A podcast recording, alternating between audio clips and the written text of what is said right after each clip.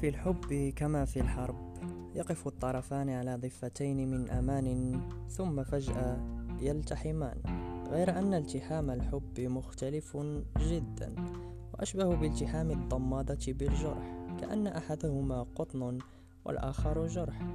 وتعلم أنت جيدا شدة الالتصاق فاحتكاك كهذا سيحدث أزمة عند الفراق.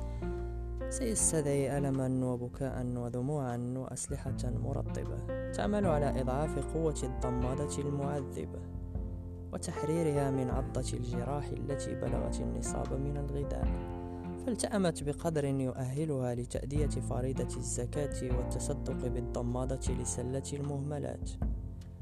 هناك حيث يقدر عليها الزوال بفعل عادة الإهمال. فهي لم تعد تصلح للاستعمال؟ أتدري ما هذا؟ هذه قصة المدعو. حب. يوم روض بين السيد جرح والسيدة ضمادة. تبا له كان حبا مزورا. وبعد مدة حسحس الشق. تفرز الجرح وتولى فلم يجد الضمادة التي عنها تخلى وما جارت عليه ولكن حق جزم الفعل المعتل بالحذف لا الساكن وما جارت عليه ولكن حقت كلمة الفراغ على الخذول ويمسح بالاعتذار وجهه الخجول. فلم ينفع ندم على ردة أمام ما فرضته أنفتها من حدة. عاد الجرح ينادي أن عفوك يا بلادي لو أن لي كرة فأكون من المقربين ومعي تسعدين ثم خر باكيا يتحسر.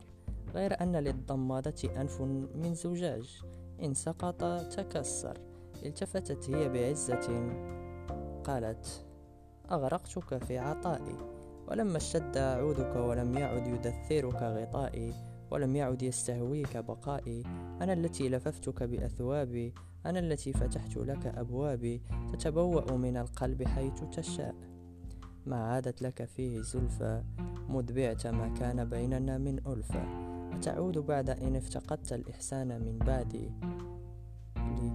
تعدني بحب لا ينبغي لأحد من بعدي الحب يحفظ الكرامة يا سيدي وحب كذاك الذي أفلت به يدي.